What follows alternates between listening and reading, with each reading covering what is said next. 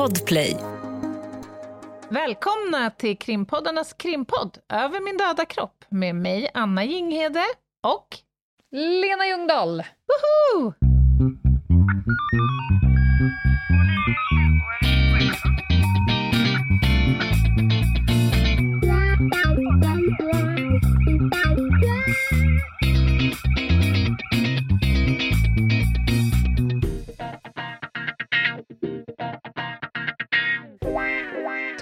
Igen, Anna. Ja, äntligen blir det lite mer krim på agendan. Idag ska vi ut och veva. Mm. Det ska svingas batong. Gapas.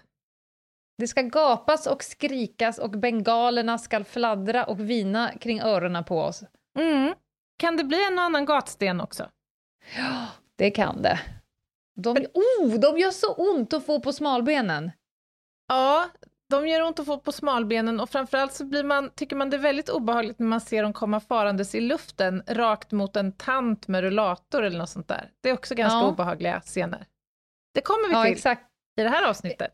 Ja, eh, nu fick jag också en flashback när man övar, för det vi ska prata om är ju demonstrationer. Mm. Jag vet inte hur du hade det på polisutbildningen, men när jag gick där då hade man en demonstrationsövningsdag Ja. där man stod och sulade bakpotatis, okokt bakpotatis på varandra för man skulle öva liksom sköldteknik. Aha. Och sen, så skulle, och sen skulle man då få spela demonstrant och då fick vi stå och skrika simhall, simhall. ja. It's, it's the true story. Var det verkligen det bästa man kunde komma upp Alltså, jag tog i vanlig ordning regi och rättade in mig med? i ledet. Men vad intressant, för jag fick inte uppleva demonstrationsövningen riktigt på samma sätt. Vi fick öva demonstration med ljudet, det inspelade ljudet från Salem-demonstrationerna. Mm. På maxvolym. I Mm. det myllret skulle vi då träna ingripanden i folkmassa och allt det här. Det är det mest stressande jag upplevt Ja. i hela mitt 45-åriga liv. Och då kan jag säga, Anna, förmodligen en av rösterna du hörde skrikande i panik från Salem-demonstrationerna var Lena Ljungdahl. Ja, jag fattar. Alltså, det sjuka var att det var just det som var så stressande, för att Oh. ljudvolymen var så enormt hög, men det gick inte att urskilja någonting av någonting i, den, i det oljudet. Ett Nej. enormt stresspåslag får man. Exakt samma sak när man stod i det. Jag hör Ja, fan inte min egen, jag hör bara mina egna hjärtslag trumma på utav bara eh, Fanders. Herregud. Ja, Jag hör att det här drar igång eh, minnen och affekter hos oss båda. Och eh, det är för att det är en väldigt, väldigt särskild, eh, särskild eh, tjänsteåtagande och uppdrag. Mm. Som, som skiljer sig från allting annat. Verkligen. Ja, men ska vi börja från början kanske? Lotsa Ja. in lite grann till begreppet. Mm. Vad har vi på definitionen? Ja, men vi har ju grundlagsskyddade rättigheter som Mm. yttrandefrihet, mötesfrihet och demonstrationsfrihet. Det är ju de som faller in under det här.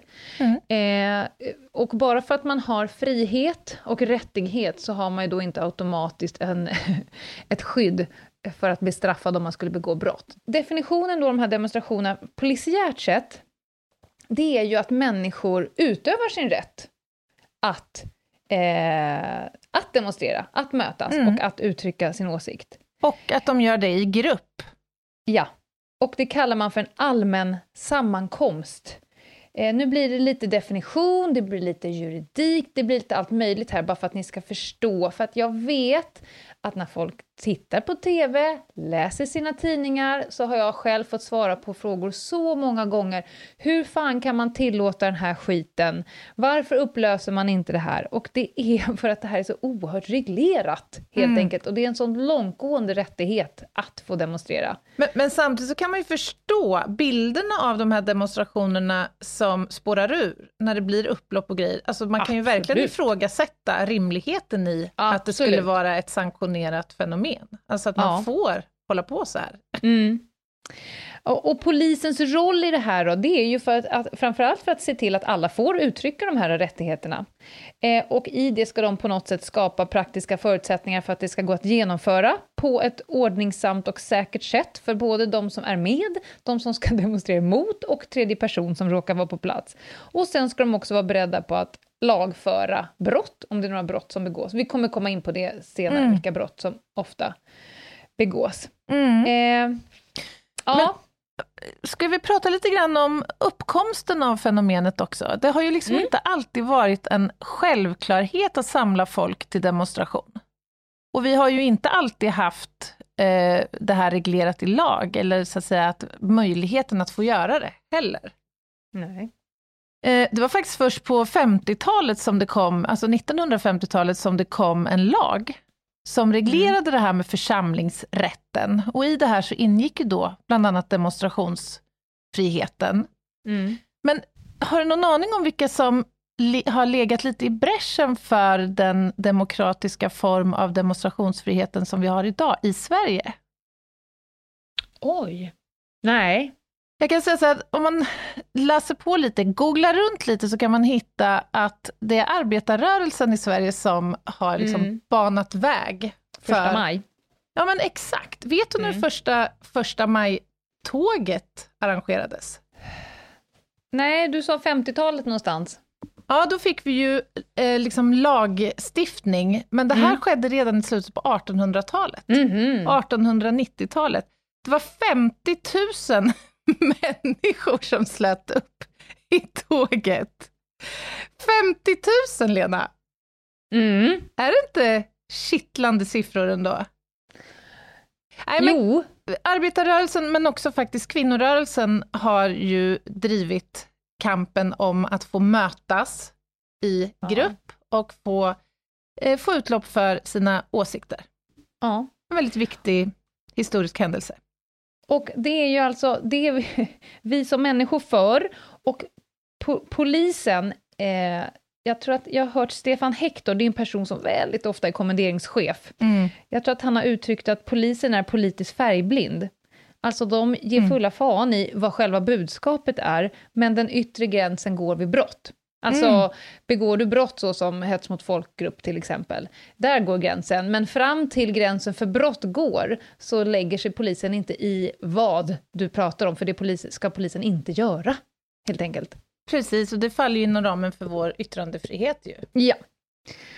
Ja, men bra. Och vi pratade ju då att det är i grundlagen. Eh, trots detta så skall man då söka tillstånd för att, att anordna allmän sammankomst. Mm. En allmän sammankomst man kan säga förenklat att det är någonting som anordnas för allmänheten, eller att åtminstone allmänheten har tillträde till den. Det vill mm. säga, du behöver inte söka tillstånd hos polisen för att ha en privat fest. Just det. Eh, och tillstånd ska sökas om detta kommer att ske på en offentlig plats.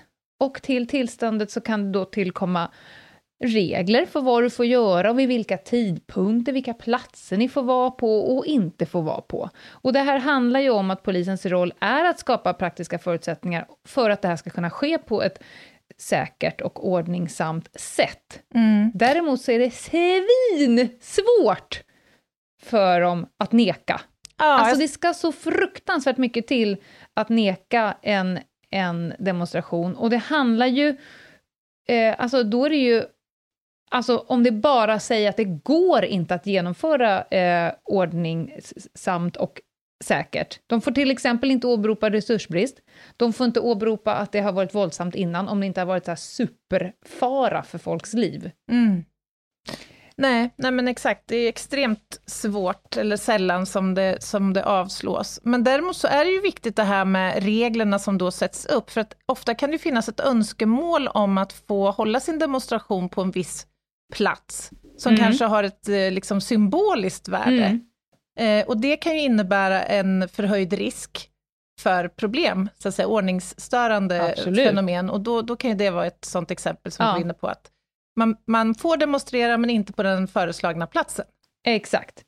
Det kan vara så här, ja ni får göra det, men på det här sättet vid den här tidpunkten. Mm. Eh, sen, det är väldigt svårt att neka för polisen, däremot har de möjlighet att upplösa en allmän sammankomst. Mm. Eh, och då är det om det börjar bli svår oordning på platsen, alltså det börjar bli upplopp, eh, det begås brottsliga handlingar, eller eh, alltså på, på en nivå som är helt ohållbar. Mm. Eller om det innebär väldigt allvarliga trafikstörningar, då har också polisen en eh, möjlighet att upplösa en allmän sammankomst. Just det. Mm. Lite om det, för det, jag vet att det här kommer frågor och, och att det kan kännas i magen för jävligt att några som står långt ifrån mig åsiktsmässigt ska få rätten Mm. att uttrycka vidriga, hemska och så vidare åsikter. Men Mm. det får de alltså. Men de kommer också att kunna lagföras för brott om de, håller, om de inte håller sig inom ramen för vad lagen säger. Men ska vi prata lite grann om vad det kan vara fråga om för typer av brott då? Vi har ju varit Mm. inne på det här med upplopp, våldsamt upplopp till exempel. Ja, den är ju skitjobbig kan jag känna. Jag får direkt flashbacks till ja, Salem-kommenderingarna. Det var ett har varit väldigt mycket såna här uh, reclaim the streets. Ja, gud, alltså när man kom till arbetsplatsen en sån dag, vi ska prata lite om polisens olika taktiker, men de dagarna man visste att, att det var eh, demo på schemat och att det var reclaim the streets eller något liknande, Mm. alltså då pussar man en extra gång eh, på de man tycker om, Mm. Eh, och sen är det tandskydd och man kikar i väskan och det är benskydd och det är hjälm och då flashar det upp massa eh, bilder framför en på kollegor som har blivit skadade och fått tänderna utslagna och lårkar. ja, men alltså det är helt ja, ja, sjukt. Det är helt sjukt. Och Eh, var, Någon ska ju göra det. ja, vi var ju inne på det här med Salem och, och jag tror kanske inte det är jättemånga som, kan, som får upp bilder av hur det såg ut där, för att det helt Mm. enkelt inte rapporterades så mycket om det i media, så som till exempel Göteborgskravallerna. Ja. Det kan ju Mm. de flesta relatera till och känna kring. En Mm. otroligt obehaglig miljö, både att jobba i, men också för tredje part, det vill säga Mm. de som inte Ja. har valt att demonstrera eller ingå i ett upplopp. Mm. Jag, jag läste faktiskt för ett tag sedan att man har beforskat lite grann det här, alltså våldsgraden i de här sammanhangen.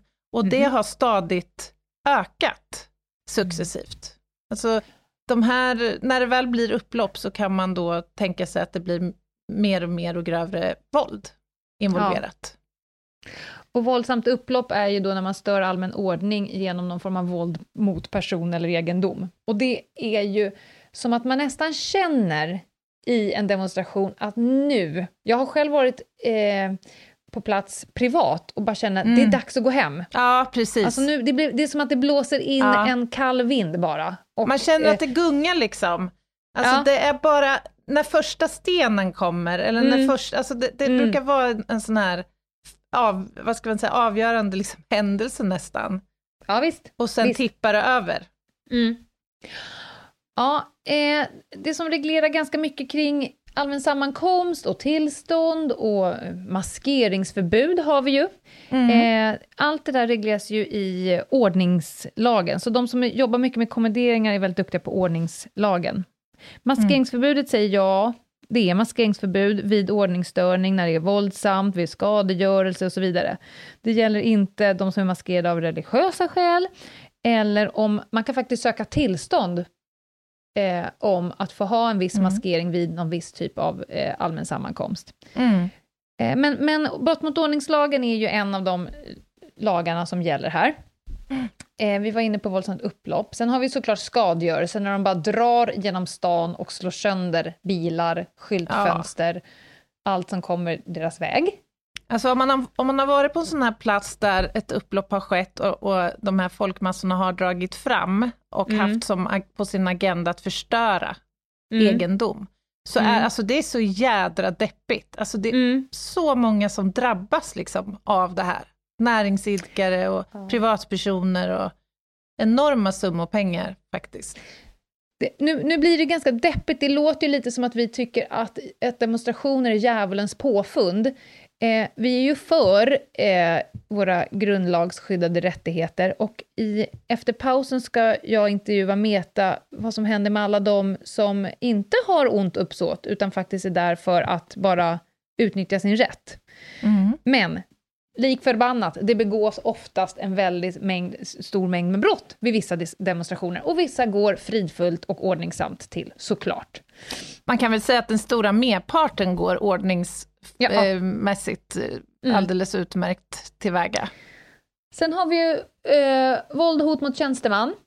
Mm. Eh, och den lagen har också förstärkts eh, från Ja, det är lite drygt ett år sedan som vi fick ett nytt brott som heter sabotage mot blåljusverksamhet mm. som ger ett förstärkt skydd. Eh, och det, det, inkluderar även till exempel ja, men, eh, räddningstjänsten, brandmän och ambulanspersonal. Och det är när man använder våld eller hot om våld mot personer som utövar sin verksamhet, alltså en blåljusverksamhet. Mm. Eh, att man tillgriper eller skadar fordon eller andra hjälpmedel som blåljusverksamheten använder sig av. Eller att man vidtar någon annan eh, otillbörlig åtgärd mot blåljuspersonal. Då kan man helt enkelt bedöma för brottet sabotage mot blåljusverksamhet. Var inte det här något som seglade upp i samband med Husbykravallerna? Eller har jag drömt det? Jo, det stämmer. Och att det har krypit på mer och mer, för polisen har ju alltid varit the bad guys i ögat av eh, antagonisterna. Alltså mm. när polisen kommer, farbror blå svänger in, lagens långa arm, då är ju de en motståndare. Däremot så har ju ambulans och räddningstjänst under lång tid varit ganska fredade. Mm. Eh, däremot när det börjar hagla eh, rännsten i huvudet på brandmännen som står och släcker bränder, då mm. började man ju då få lägga om taktiken. Då ska polisen skydda brandmännen också, ja, ja. utöver... Ja men det är ju helt otroligt. Och grön ja. laser och sådär, attacker har det ju varit mm. tal om helt också. Mm. Och sen så har vi det här, frågan är ju hur mycket man får motdemonstrera. Mm. Alltså de som har sökt tillstånd för att uttrycka sin eh, åsikt och mötas och demonstrera, du har ju lika stor rätt att säga emot. Mm. Eh, det, många motdemonstrationer kräver också tillstånd, för det är ju också en allmän sammankomst. Mm, så man gör gott i att söka tillstånd där. Eh, det är ett brott att störa en allmän sammankomst. Så att du, du får skrika, du får bua, du får bete dig, men får, det finns en gräns. Du får inte mm. störa ut en annan demonstration. Det är i sig ett brott. Mm. Ska man tänka på. Och sen skulle jag bara vilja säga att det är jättesvårt att eh, som personal från polisen på plats bedöma, eh, det finns ju ett beslut i stort, men jag kan ju se massa brott som begås, våldsamma upplopp, skadegörelse, någon är maskerad, mm. någon bryter mot ordningslagen, någon stör allmän sammankomsten. Så det handlar ju extremt mycket om att dokumentera. Eh, och man gör ingenting på eget initiativ där man rusar in och gör egna små vendettor för att man ska gripa gärningspersoner. Det är kaos på de här platserna. Ja, det är det. Och det kan samtidigt vara ganska utmanande, för att det är ju inte nödvändigtvis så att det är kaosartat hela vägen Nej. längs den här demonstrationstidpunkten, så att säga. Och stå, stå då och ingå i en sån kommendering och se mm. brott begås. Alltså, ja. det, det, kan vara ganska svårt att faktiskt mm. hålla sig, stick to the plan, så att säga. Ja, Helt riktigt. Vi kommer alldeles strax komma in på polisens arbetstaktik. Men Anna, jag vet att du eh, har kikat Det finns ju en del forskning faktiskt på ämnet. Ja, men det gör ju det. Och det är ju framförallt då kravall, så kallad kravallforskning. Man är ju naturligtvis mm. intresserad av att förstå vad det är som driver de här människorna i de här sammanhangen som övergår någonstans från en åsiktsyttring till ett våldsamt beteende. Mm. Och den här forskningen, den är ungefär, man har beforskat det sedan ungefär 100 år tillbaka och det är framförallt psykologisk och beteendevetenskaplig forskning det handlar om och det är kanske mm. inte så himla konstigt. Man vill ju då förstå de här beteendena. När det gäller svensk forskning, då har man ju tittat bland annat på Salem, det har vi pratat om, Göteborgskravallerna, men mm. också djupdykt i fenomenet fotbollshuliganism, fängelseupplopp eh, och några fler sådana här eh, företeelser. Och då har man ju funderat på, vad är det som, hur kan man förklara det här beteendet? Och då har man liksom växlat här lite mellan eh, kollektiva teorier, alltså att ha, det handlar om mekanismer i en grupp, till att det kanske snarare är individuella förklaringsmodeller. De tidiga teorierna, de, de, tog sikte på att det här handlade om gruppens psykolo psykologi, eh, och att det på något sätt bygger på att man har en stark ledare och man som individ i den här gruppen då kan liksom gömma sig i gruppen och bakom den här ledaren och då bete mm. sig eh, våldsamt, till exempel. Men idag, då pratar man faktiskt mer om att det handlar om att man utvecklar en social identitet i gruppen som bygger mer på tillhörighet. Och att man då ersätter på något sätt sina egna personliga värden, de som man har på måndag morgon när man går till jobbet, så att säga. Förstår du? Mm. Och, och dessutom så tänker man sig då att den här sociala identiteten som man får i ett sånt här sammanhang är mer påverkansbar och föränderlig. Och det kan innebära att om man möts av polis som har så att säga sin ribba högt, eller vad ska man säga, som har en offensiv approach, och som kanske tolkar in att i den här gruppen kommer det snart bli problem, och det kan bli problem för tredje part, och det någonstans blir liksom konfrontation, då kan man själv då som individ i gruppen också accelerera upp i sitt mm. våldsbeteende på ett sätt som man aldrig skulle göra liksom utanför mm. den här gruppen. Det är ganska intressanta mekanismer ja. tycker jag som spelar in här. Verkligen. Du kommer njuta av eh, Metas intervju efter pausen. Det här är ju hennes expertområde eh, med so sociala identiteter och eh, ja, men den här typen av problematik. Mm. Eh, när jag går emot min egen, när jag skapar mig själv en ohe ohelig allians helt enkelt. Ja men precis. Eh, ja, super, super intressant. Mm. Eh, och när, forskning, apropå forskning, polisen startade ju ett, en särskild taktik, den heter särskild polistaktik, ett ja. koncept. Eh, som också är grundad i forskning, alltså hur mm. man ska jobba vid det här. Ja men exakt. Och det här är ju eh, ett resultat, kan man väl säga, av Göteborgskravallerna. Man mm. insåg mm. då att vi behöver ett metodstöd liksom, för att jobba ja. med de här lite mer svåra situationerna, eller vad vi ska kalla det. Och det, det är som du säger, det har sin grund i vetenskap, eh, så att det är ett beprövat arbetssätt. Eh, och det går, går, ut på att man, man, eh, man kan jobba då dels uniformerat eller civilt. Det finns liksom tips och tricks för alla delar liksom i de här situationerna, skulle man kunna säga, men man utgår från några olika grundläggande principer, som man då kallar för konfliktreducerande. Det ena handlar ju då om kunskap, alltså polisen behöver jobba kunskapsbaserat och hålla sig ajour med vad forskning säger. Eh, och alla som också ska ingå i en sån här kommendering då, behöver känna till konceptet. Man behöver vara förtrogen liksom med arbetssättet. Och vi har ju alla gått SPT-taktiken helt enkelt, och sen får man en olika roller inom taktiken. Precis. Mm. Vi ska också jobba underlättande. Det vill säga, vi ska underlätta för de här som ska demonstrera att faktiskt uppnå sina legitima mål. Mm. Och det är väl det som vi har varit inne på lite grann här, att man har rätt att yttra sin åsikt inom vissa gränser, och man har rätt att förflytta ett demonstrationståg till exempel. Och det måste vi underlätta för att då minska liksom risken kanske för mm. våldsamheter och konflikt. Vi behöver också vara duktiga på att kommunicera.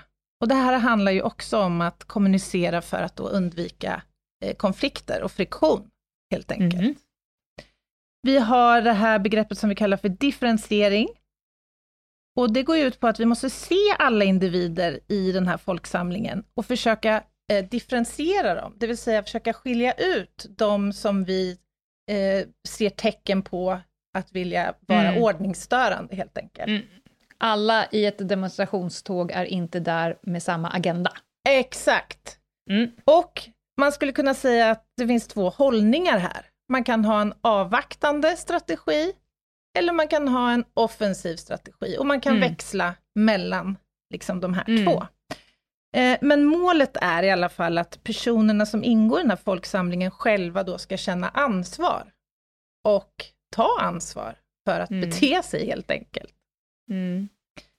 De här olika rollerna då, eh, som allting annat snutigt så har de ju coola namn. Det finns ju Delta och det finns Romeo och det finns Kilo och så vidare. Mm. Vilken ingick du i? Jag är ju Delta, ordningspolis. Ja. Och det är eh, de som har uniform och de har, eh, om det är riktigt jävligt, sköld och svingar batong och det är hjälm som en stor champinjon på huvudet. Mm. Och de är då till för att hålla eh, avspärrningar och eh, bulka upp på sidan av kanske, kanske ringa in, eh, putta bort.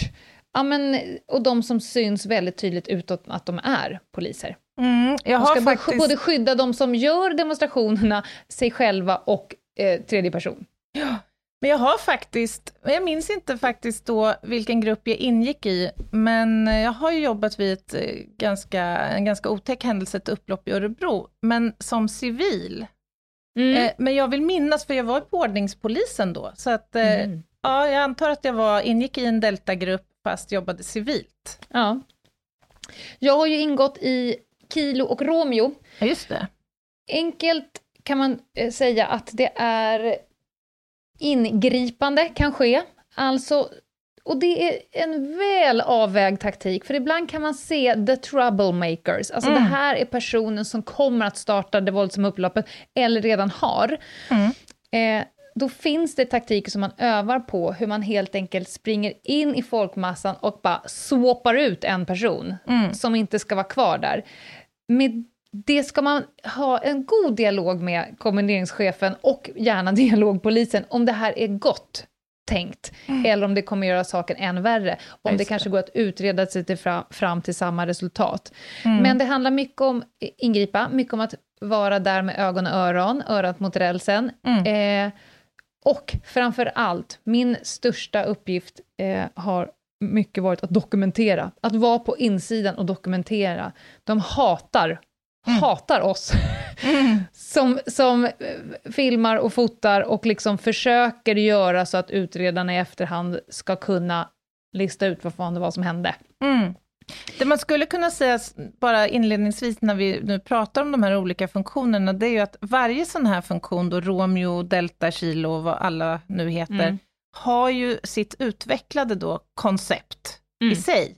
Alltså, ja visst, man egen tränar utbildning. sig, ja men precis, så ska, ingrip, ska man lära sig ingripanden i folkmassor så bygger det på en viss typ av taktik, som vi kanske inte ska prata om här, men som, som är Nej. väldigt effektiv i de här sammanhangen. Mm. Ja, och jag ska säga att eh, vi pratade ju, du och jag, innan vi satte på play här, Mm. eller på räck. Jag kan inte minnas något annat arbetsuppdrag att man liksom råkade bli inkastad inom E EG, IGV-verksamheten, men där jag har varit lika rädd som på kommenderingarna. Nej, fy fan Det alltså. är den obehagligaste upplevelsen.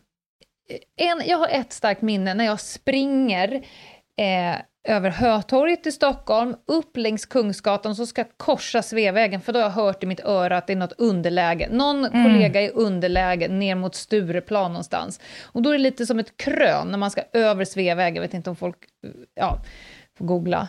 Eh, och då känner jag bara att jag har tappat bort mina kompisar, någon är underläge, jag har Mm. en pepparspray i varje hand, jag vet fan knappt var jag fått dem ifrån. Eh, jag blöder någonstans, jag tror Mm. att det är på händerna. Och så springer jag och tänker jag jag är i en krigszon nu alltså. Mm. Det, rö, det ryker och det är någon stol som brinner och så kommer man över kanten här och så bara ser man det här myllret. Mm. Folk står på knä, vet inte vem som är vad längre. Och då Nej, är det men så här, alltså- nej, jag har för dåligt betalt för det här, jag vill hem. Jag är Ja, men det- rädd. Det är oerhört alltså, otäcka scener. Jag, jag nämnde ju Örebro då när jag jobbade Mm. civilt. Och så stå där eh, och se hur det blir konfrontation mellan, i det här fallet, C-supportrar från två fotbollslag, Örebro Mm. SK, Malmö FF. Eh, vi hade ju vi hade en taktik, vi skulle leda de här grupperna förbi varandra, de skulle inte konfronteras, och så blir det ändå så, för att en Ja. grupp väljer att ta en annan väg än den anvisade, som det kallas. Mm. Och så blir det konfrontation. Det här är alltså lördag eftermiddag, eh, en vårdag i Örebro. Det är mycket folk ute på uteserveringar. Det går någon dam med någon rollator där, en mamma med barnvagn där. Och man ser då de här stenarna komma farandes i luften, det är bengaler. Alltså det är som du säger, det är som att vara en krigszon och man blir så oerhört liten. Man tappar Mm. ju liksom alla referenspunkter, du tappar din kollega, Står mm. man där dessutom i en civil utstyrsel och ska få på dig snabbt en reflexväst för att signalera, jag ja. är polis. ja, alltså, du, att springa herregud. emot, det har jag gjort i Salem. Mm. Att känna så här, nu är de ute efter mig, de har kommit på vad jag är, stenarna börjar flyga. Att springa rakt emot Delta, ja. det, det, är bara som en jävla vägg av sköldar ja. och, och batonger. Och springa emot och bara tänker, släpp igenom mig. Ja, exakt. Ska ni döda mig eller ska de mellan döda mig? Och så ska man ha någon form av så identifieringsplagg på sig som ingen jävel vet vad det betyder ändå. Nej. Nej, usch. Nej, det jag, vet, jag tror att du delar uppfattningen om att det här är en av de värsta upplevelserna man kan gå igenom ja. som polis. Ja. Det är en farlig situation och man är liten. Ja, jag har bevittnat hur det stod en, en kvinnlig deltapolis i den här hjälmen. Jag har bevittnat hur en demonstrant med en sån här, du vet en sån här gul plastpinne som, eh, för att markera för plogningen. Ja, just det. Ja. Tagit en sån pinne, fippla upp, den ena demonstranten fipplar upp hennes visir med den här orangea pinnen och mm. den andra smackar till med någon jävla påk rätt över munnen på henne. Nej, så hon tappar... Herregud. Ja. Ja, eh, det här upprör känslor i oss och vi kommer snart få en välbehövlig paus. Efter pausen ska vi prata med våran allas egna metabroddare som har haft ytterligare en funktion som ingår i SBT-konceptet som heter Dialogpolisen, som jobbar för eh, att man ska prata och försöka bilda ett lugn. Men mm. Anna, det finns några till roller inom SBT-konceptet som vi kanske ska nämna innan vi går på paus. Ja men precis, vi var ju inne på det här med Romeo då, ingripandeenheterna, vi har Delta, det är ordningspoliserna. Kilo, vilka är det Det är de som filmar och far runt civilt. Precis. Och griper om det behövs kanske. Ja, sen har vi dialogpoliserna.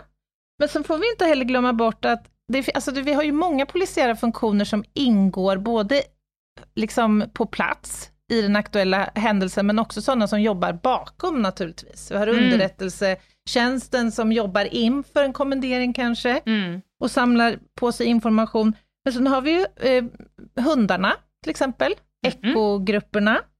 Och vi får inte heller glömma bort Hästarna. Foxtrot. Nej. När de dundrar fram, då viker man hädan.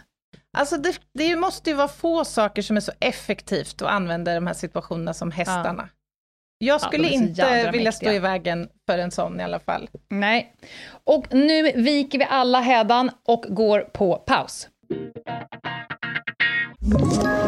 Ett poddtips från Podplay. I fallen jag aldrig glömmer djupdyker Hasse Aro i arbetet bakom några av Sveriges mest uppseendeväckande brottsutredningar. Går vi in med hemlig telefonavlyssning och, och då upplever vi att vi får en total förändring av hans beteende. Vad är det som händer nu? Vem är det som läcker? Och så säger han att jag är kriminell, jag har varit kriminell i hela mitt liv men att mörda ett barn, där går min gräns. Nya säsongen av Fallen jag aldrig glömmer på Podplay. Välkomna tillbaka. Ni lyssnar på krimpoddarnas krimpodd Över min döda kropp. Och nu befinner jag mig i en studio. Och framför mig har jag våran absoluta favorit måndagsspanare Meta Broddare. Jag har bjudit in henne för att vi idag pratar om ett ämne där hon har varit expert inom polisen innan hon eh, avslutade sin tjänst där. Välkommen Meta! Tack! Idag pratar vi demonstrationer. Jag vet att utöver det så har du också jobbat mycket med våldsbejakande radikalisering. Och kära lyssnare, eh, sitt still i båten och känn ej frustration. Vi kommer att ha ett helt avsnitt om det och då dra tillbaka in dig i intervjubåset. För då ska vi prata om ideologier, radikalisering, fundamentalism och diverse rövhattar. Mm. Men idag, Meta, sitter du här i egenskap av att du inom polisen var dialogpolis, höll på med medling. Vad är det? Det du. Dialog är ju när man samtalar med varandra, gärna med syftet att komma vidare i någon sakfråga eller någonting så här. Till skillnad från debatt, mm. då man försöker liksom kanske vinna över den andra i samtalet. Och det är hela poängen med dialog dialogpolisen. Att det är en grupp poliser som har till uppgift att föra en dialog, alltså hålla ett levande samtal med en motpart Mm. och kanske till och med medla och förhandla mellan den parten och en annan part. Och när vi pratar om demonstrationer och manifestationer så är det ju oftast att det kan vara en grupp eller en människa eller en hel, en helt stor samling folk mm. som vill en sak eller vill uttrycka någon åsikt mm. eller skapa opinion i den där åsikten. Och den kan vara mer eller mindre extrem i förhållande till vad mm. andra människor känner i alla fall. Ehm, och så kan det ju då förstås finnas många som tycker något helt annat. Och där mm. finns det ibland eh, utrymme för att det ska kunna bli våldsamheter. Om man vill något tillräckligt mycket och känner att våld är ett medel för att nå målet att liksom komma okay. vidare där. Men då fanns den här särskilda eh, dialogpolisgruppen på plats vid demonstrationer mm. för att ha då det som syfte. En fråga bara inledningsvis, har man särskild utbildning för det här eller är man bara allmänt eh, härlig? Jag till exempel skulle gärna säga till, nu går du åt det hållet och håller käft och du går åt andra hållet och håller käft och sen är det bra med, ja. med det. Jag, jag hade varit en dålig inte allmänt härlig. Nej, inte allmänt härlig. Va, hade du en särskild utbildning för det här? Ja, det är en särskild utbildning. Först så ska man ju ha jobbat ett tag som polis. För mm. att det är bra att förstå själva polisen först. För ofta är polisen själva den andra parten. Och det gör det ju så att man måste liksom medla mellan så att säga sina egna och den mm. motparten eller demonstranten eller vilka det kan vara. Det är klurigt. Och då är det viktigt att själv känna till eh, när man jobbar i det, hur organisationen funkar. Allt från liksom, vem fattar vilka beslut och vem har mandat att göra vad och hur kommer de att göra nu? Hur kommer den där polisgruppen där borta agera om det här händer och så. Så det måste man ju veta. Så man börjar med att bara vara polis. Men sen går man en till utbildning och det får man göra först efter att man har blivit bedömd som en lämplig man behöver inte vara härlig, men man behöver vara en för, för uppgiften lämplig människa. Ja. Man ska ha fallenhet för det man kommer att behöva göra. Ja. Man kommer att behöva ha en så hög allmänbildning som det bara är fysiskt möjligt att ha. Och en stor portion tålamod va? Ja, det är ju rätt lämpligt. Det, det tror jag är rätt passligt ändå för ja. alla poliser. tror Jag ja, Jag tror man gynnas av att ha tålamod. Men ja, nej, jag tror att man måste vara en ganska strategisk person. Mm. Man måste ha strategi i blodet och tycka att det är ganska roligt med schackspel. Mm. Ja. Vem eh, svarar dialogpolisen till? Vem, vem chefar över dialogpolisen i en kommendering? Kommenderingsledningen. Rätt upp? Rätt upp. Ja. Eh, det kan ju vara lite olika för att alltså, olika kommenderingar och olika demonstrationer har ju olika ledningar ovanför ja, ja. sig såklart. Men det är inte dialogpolisen som ensamt står högst upp och bestämmer hur saker och ting ska gå utan man liksom andra polisiära mm. enheter svarar uppåt mot en spindel i nätet. ja. Okej, okay. Skulle du kunna nämna ett, några typexempel på demonstrationer där dialogpolisen absolut tas i anspråk? Det är ofta mm, politiska manifestationer där eh, olika enheter som gör såna riskbedömningar har gjort en bedömning att det här skulle kunna vara en fråga som väcker irritation, aggression mm. hos folk som står runt om eller deras eh, liksom, motparter. Någon som tycker diametralt olika. Mm. Eh, till exempel kan det ju vara eh, högerextrema organisationer eller högerorienterade grupper. Eh, det är liksom en flytande skala eller lite grann. Eh, som ska göra någon typ av manifestation. Eh, eller marsch eller mm. något sånt där. Att de, jag tror att de gillar uttrycket marsch. Marsch brukar de ja. gilla. Ja. Själv tänker, alltså, jag vet inte sjutton vad definitionen ska vara men jag tycker att det mer brukar vara en ganska lös promenad. en fri promenad ja. men med ett syfte ja. att visa sig längs vägen och uttrycka sin åsikt om ja. en viss fråga. Mm. Okej, okay. så här, jag eh, ingick ju i det så kallade SPT taktiken mm. som polisen använder sig av inom demonstrationer. Och jag har ingått både i Kilo och i Romeo som jag och Anna har pratat om. Mm. Eh, vi kanske inte var de absolut mest populära Alltså, det kändes som att man hade en konstant hotbild på sig. Eh, dialogpolisen, jag har ju sett er, när du, alltså, de som är dialogpoliser, du har ju sagt upp dig. Men då pratar vi ju eh, varselväst, som det står dialogpolisen på. Är ni poppis? Nej. Eller är ni under eh, hot? Polis, eh, dialogpolisen är inte lika impopulära som Romeo och Kilo. De är ju betydligt mer, för de bedöms ju vara av många som är i de här Mm. demonstrationssammanhangen som kompletta backstabbers och sneaky bastards. Ja. That Dialog- would be me. That would be you. Ja. Medan dialogpolisen mer ses som jobbiga tomtar. Ja. Eh, och man kan borsta bort liksom deras åsikt och, och lite så att det är larv kort Mm. och gott. Och att de är eh, ja, men lite så här som förskolepersonal som Ja. ska gulla runt. Liksom. Mm, men det kan de ju få tro. Ja, det är väl bra. Utmärkt. Jag har ingen alls emot att upplevas vara Nej. förskolepersonal Nej. som är gullig. Det är väl härligt bara. Okej. ehm, vi har någon form av upplevelse av att det i en och samma demonstration kan finnas ganska mycket olika agendor. Den stora eh, massan med folk är där, de har fått tillstånd, de utövar sin grundlagsskyddade rättighet att uttrycka sin åsikt. De har ingen agenda att slåss eller att vara en allmän pucko. Och sen är det ju eh, möjligtvis en klick som är där och bara det kanske blir lite kurr. Det är lika bra på plats. Och så kanske det är några som är där och tänker här ska det bli kurr. Eh, har jag rätt i analysen och hur jobbar ni olika med de olika liksom, agendorna? Alltså, det där är ju rätt intressant. För att beroende på vad det är för sakfrågor om man är där för att, göra en, sin, att demonstrera sin åsikt kring så kan den ju vara olika bred. Om du tar den första maj till exempel så är ju det en väldigt, väldigt brett paraply. Under det paraplyet som är arbetarrörelsens, eh, ska ut och visa sin åsikt i saker och ting. Så går det ju att ha väldigt många olika tankar och idéer och liksom vissa enskilda frågor.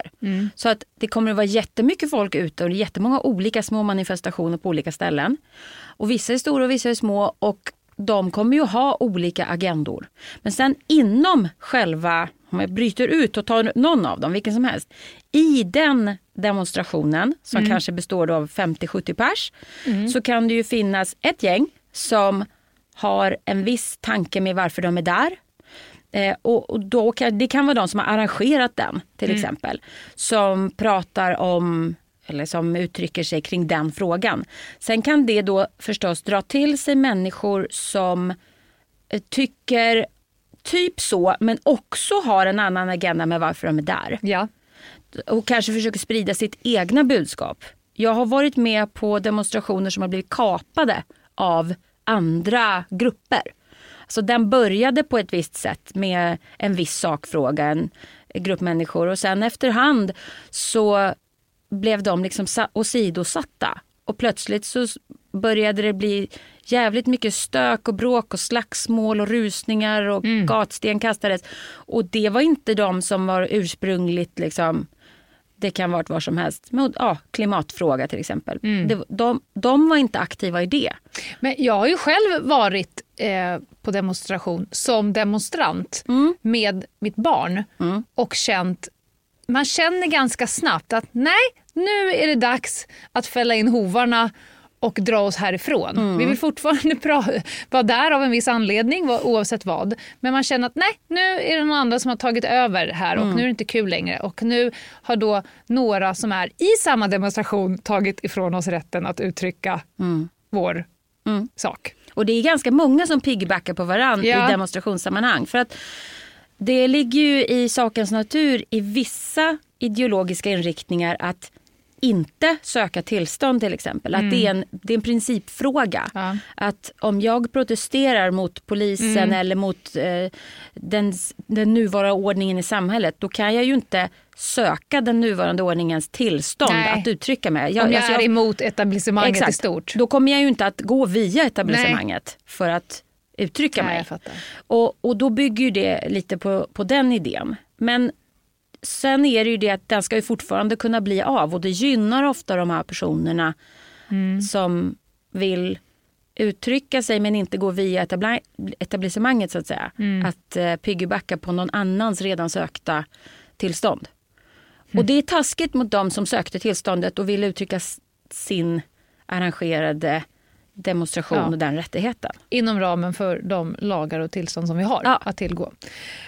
Du har nämnt någon gång till mig den oheliga alliansen. Vad är det?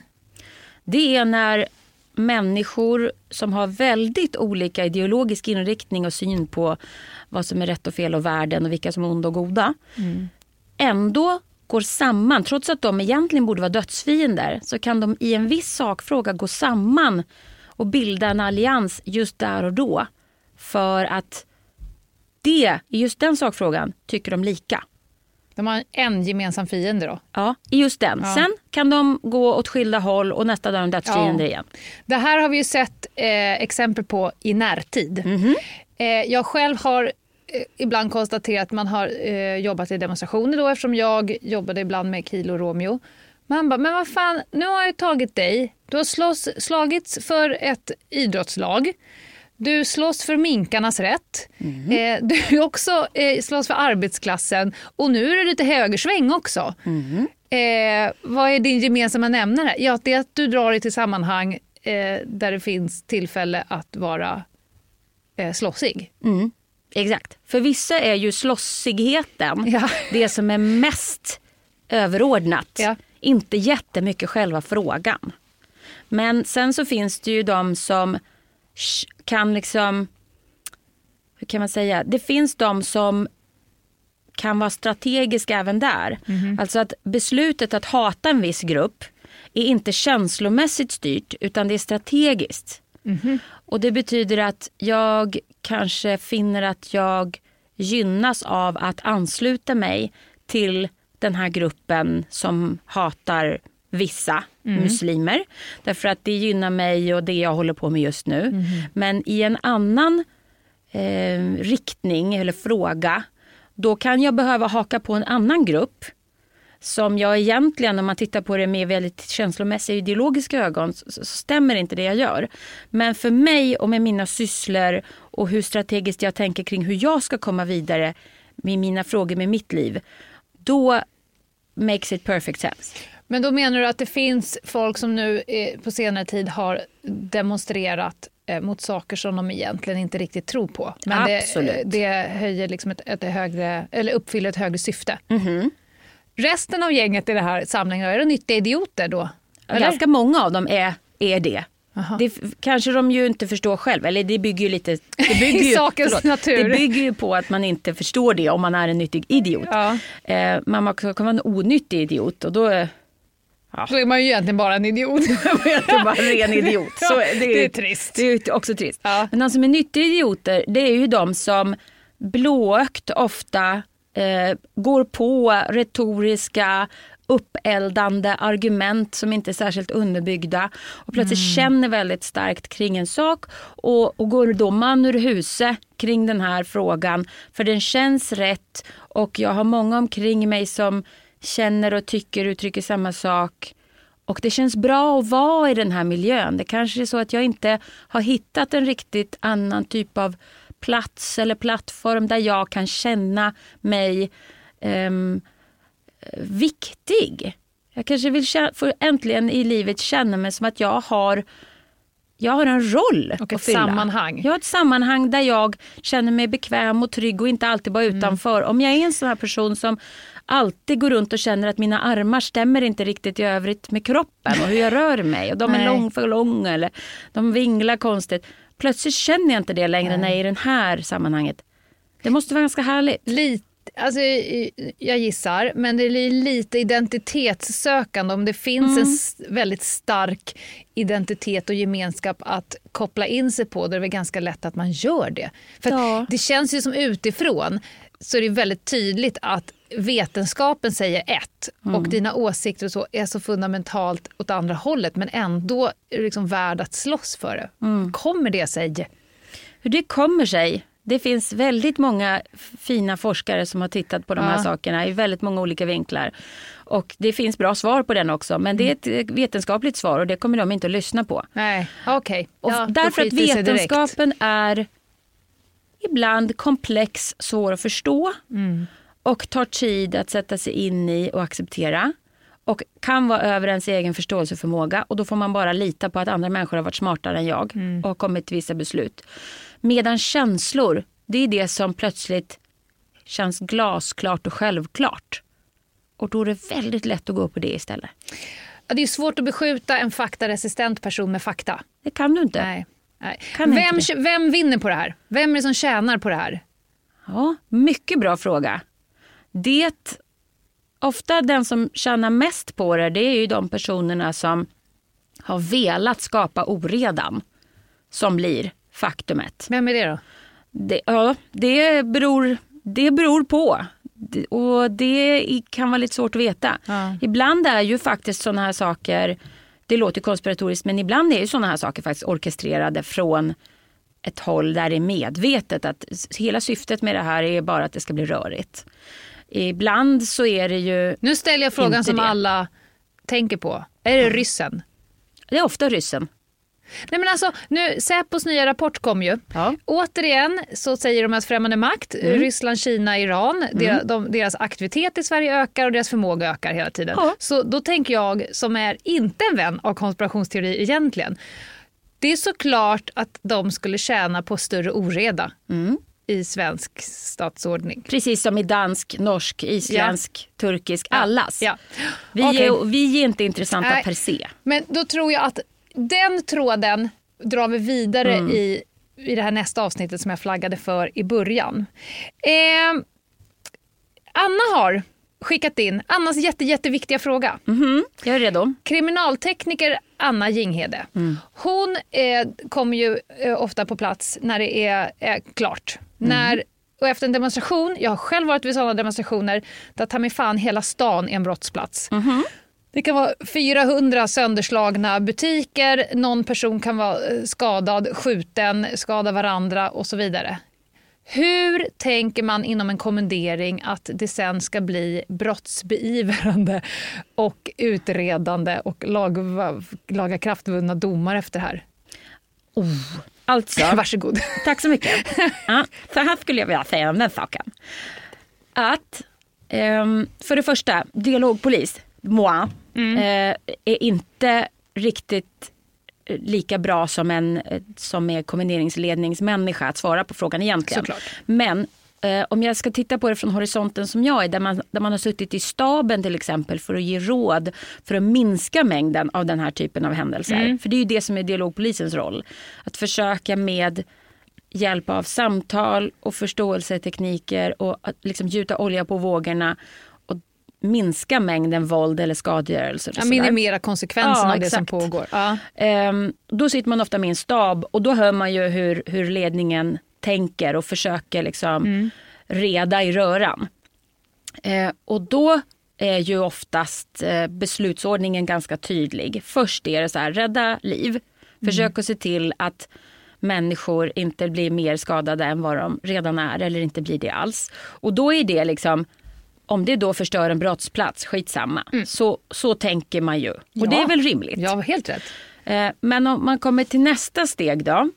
Då är det ju att nu har vi gjort det, säger vi. Då kommer man ju ändå till programpunkten försöka lagföra. Ja. Och där tänker man väldigt mycket på att försöka dokumentera det som sker under själva händelseförloppet. Därför att när det är så där rörigt och vi vet alla hur lätt det är att få någon fälld för skadegörelse överhuvudtaget. Och när det är så här mycket människor, ofta maskerade och det springs och skriks och hojtas och folk byter kläder och folk har likadana kläder på sig. Rörigt, det kan man säga att det är ganska rörigt. Då är det svårt att göra efterhandskonstruktioner av det. Det går nästan inte. Utan man måste få det dokumenterat under tiden. Och det är ju det som är de impopulära enheternas uppgift. Att dokumentera under tiden. ja, det är det vi gör. Ja, Vi filmar och försöker hålla räkning. Nu har han slagit eh, henne på snoken tre gånger och nu sparkade hon tillbaka en gång och så försöker man få det på film. jag håller på han i röda jackan. Vem håller du på?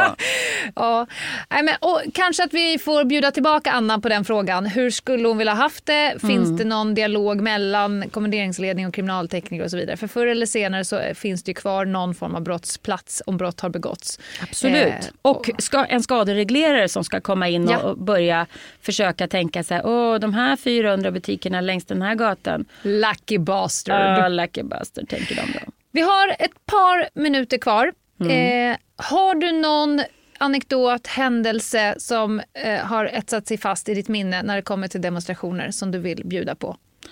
Ehm, njom, njom, njom. Ja, kanske det kanske. Ehm, en demo som, som ska förbli osagd. Därför att annars kan de här personerna veta vilka de är. Det är lite taskigt att ja. outa folk sådär.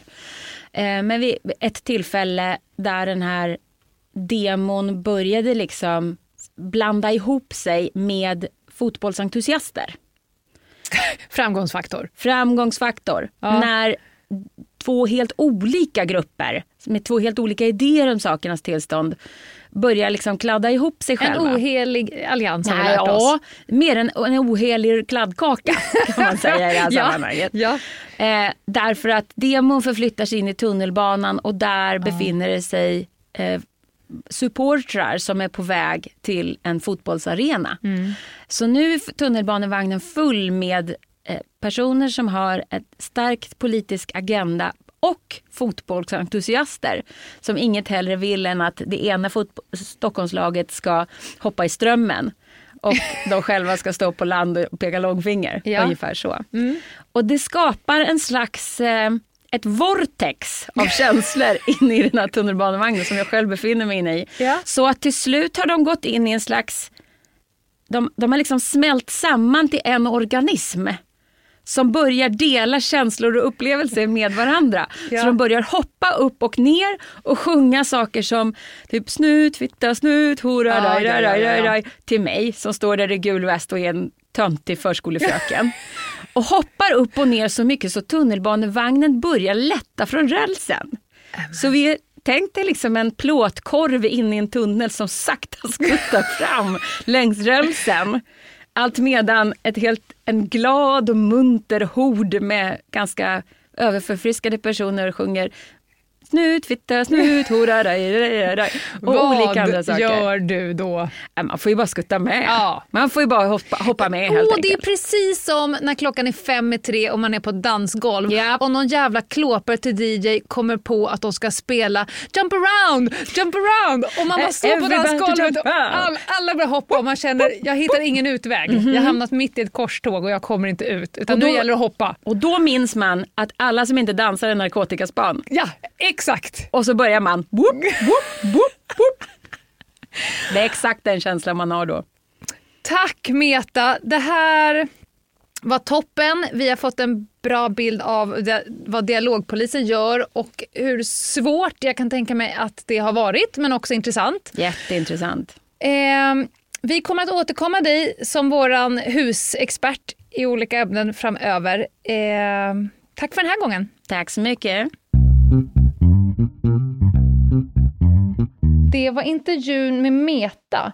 Kanske att du vill ta vidare, Anna. Vi avslutade ju med den här frågan från dig till Meta om hur hon tänker som en del av kommenderingen när hela, en, en hel stad är en brottsplats. Och hon sa ju det att eh, det är ju liksom först prio på att rädda liv och eh, fokus på att genomföra kommenderingen som den ska. Eh, hur är det att som kriminaltekniker få en stad i knät Ja, men med alltså, x antal olika brott? Det här är ju en extremt utmanande situation. Eh, och ja, var börjar man? För det första så måste man ju ringa in då, vad har vi för brott? Vad ska vi lägga krut på rent forensiskt? Jag menar, Mm. ofta så har vi ganska väl dokumenterat, har det väl liksom, när skiten väl har träffat fläkten så att säga, då Mm. brukar ju vi faktiskt vara med och ha dokumenterat ganska mycket som kommer hjälpa till i själva utredningsarbetet. Ja. Och där kan man ju då pinpointa faktiskt individer ofta Ja. som kan misstänkas och då kanske det inte blir så aktuellt att försöka forensiskt binda en person till en viss händelse. Nej. Men det kan finnas personskador och de här måste skadedokumenteras naturligtvis. är det stora egendomsskador, ja men då får man ju naturligtvis försöka göra en brottsplatsundersökning enligt konstens alla regler med dokumentation, beskriva hur det här har gått till och sen så Mm. kommer det bli ett antal sådana här platsundersökningar i själva undersökningen om du förstår. Jag Många skulle vilja se Anna. Jinghede rekonstruera en kravallsituation och spela alla rollerna själv helst. Ja, det skulle väl vara något. Nu kommer jag alldeles strax att köra en riktig rövhatt. Men har du någon samhällsinformation innan? Det har jag. Kära vänner, ni ska genast tycker jag gå in på Instagram och söka upp vårt konto där, Ljungdahl och Ginghede. Och eh, kanske dyker det upp lite frågor och tankar på det här avsnittet och då går det bra att mejla oss på ljungdahl och gmail.com. Men nu Lena är jag så oerhört nyfiken. Hur många rövhattar träffar du på på en vecka? Lenas rövhatt. Den här rövhatten ligger mig varmt om hjärtat.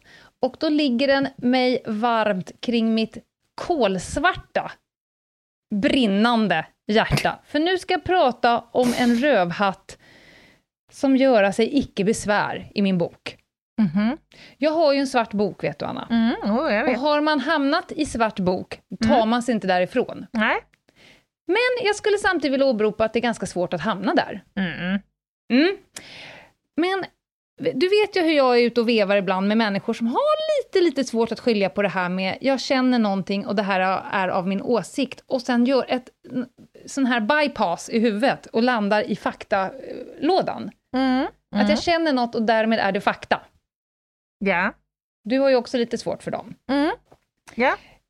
Eh, och nu ska jag prata om en särskild typ av rövhatt som inte bara är dum, alltså så som elak och vill kasta människor under bussen, utan också är korkad. Mm. En sällsynt eh, tråkig kombination. ja, ja, framförallt om man inte gör någon form av risk och konsekvensanalys av sitt agerande. Och det kan jag säga till dig, Anna, jag har sagt det förr, never ever underestimate my... Your sneakiness. Yes. Och då skulle jag vilja göra ett... eh, Det finns vissa människor som behöver bygga sig ett jätte, jätte, jättestort blått skåp som de då och då kan gå in och bajsa i. Det är så fullt med bajs i det här bl- blåskåpet så att det börjar liksom sippra ut genom nyckelhålet. Uh-huh. Det blir så kallat baksug. Mm. Och då skulle jag vilja säga en sak. Inom eh, kundbranschen så brukar man säga att det finns fyra olika nivåer av kunder. Du kan tänka medarbetare, du kan tänka kompis och så vidare. Mm. Den man vill ha, det är ju den som är aktivt nöjd.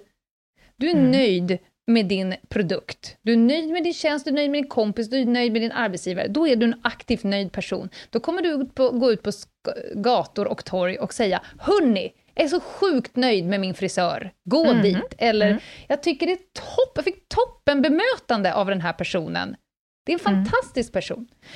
Nästa snäpp, det är ju om du, Anna Jinghede, är passivt nöjd. Alltså, du är nöjd, men inte på den nivån att du känner att du behöver skandera detta, utan du är nöjd, men du sitter också still i båten. Du gör varken till eller från. Mm.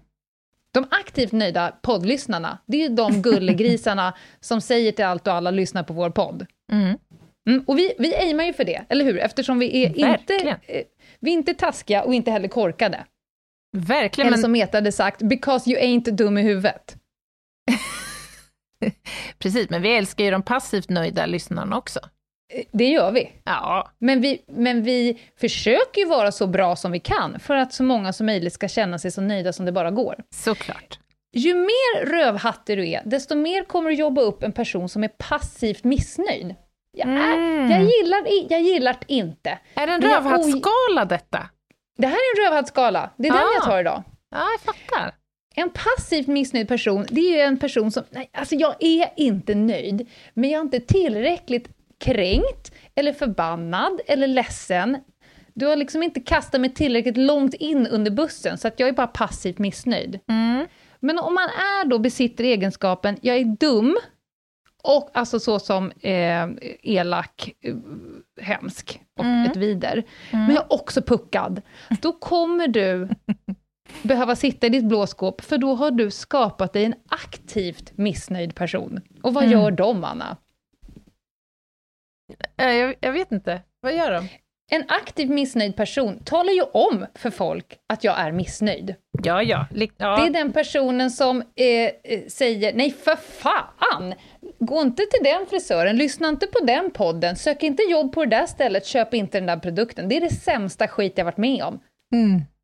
Så den här rövhattskalan skulle jag vilja höja eh, eh, upp på, på dagordningen. Vem Verkligen.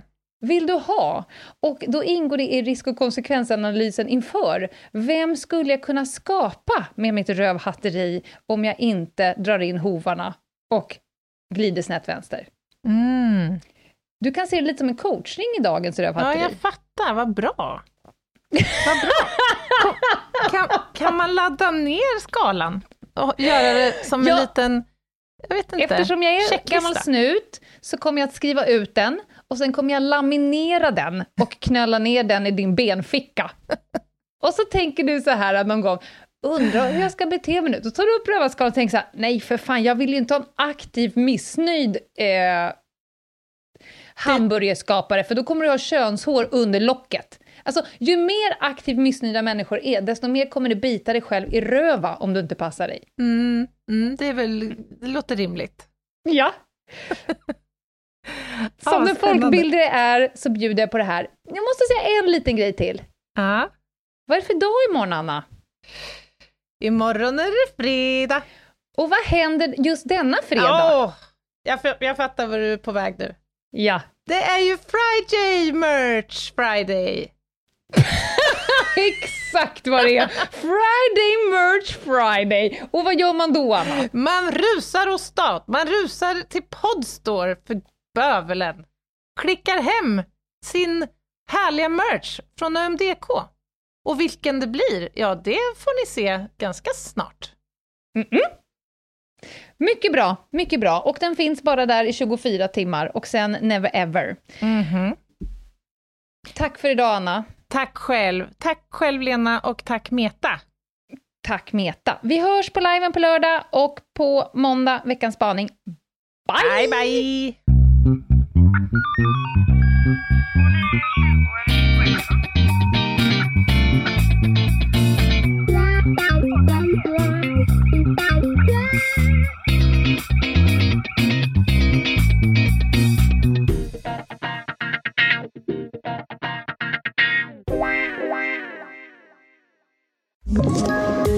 poddtips från Podplay.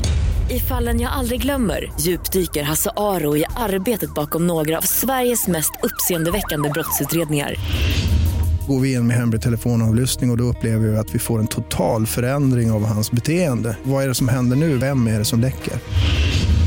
Och så säger han att jag är kriminell, jag har varit kriminell i hela mitt liv men att mörda ett barn, där går min gräns. Nya säsongen av Fallen jag aldrig glömmer på Podplay.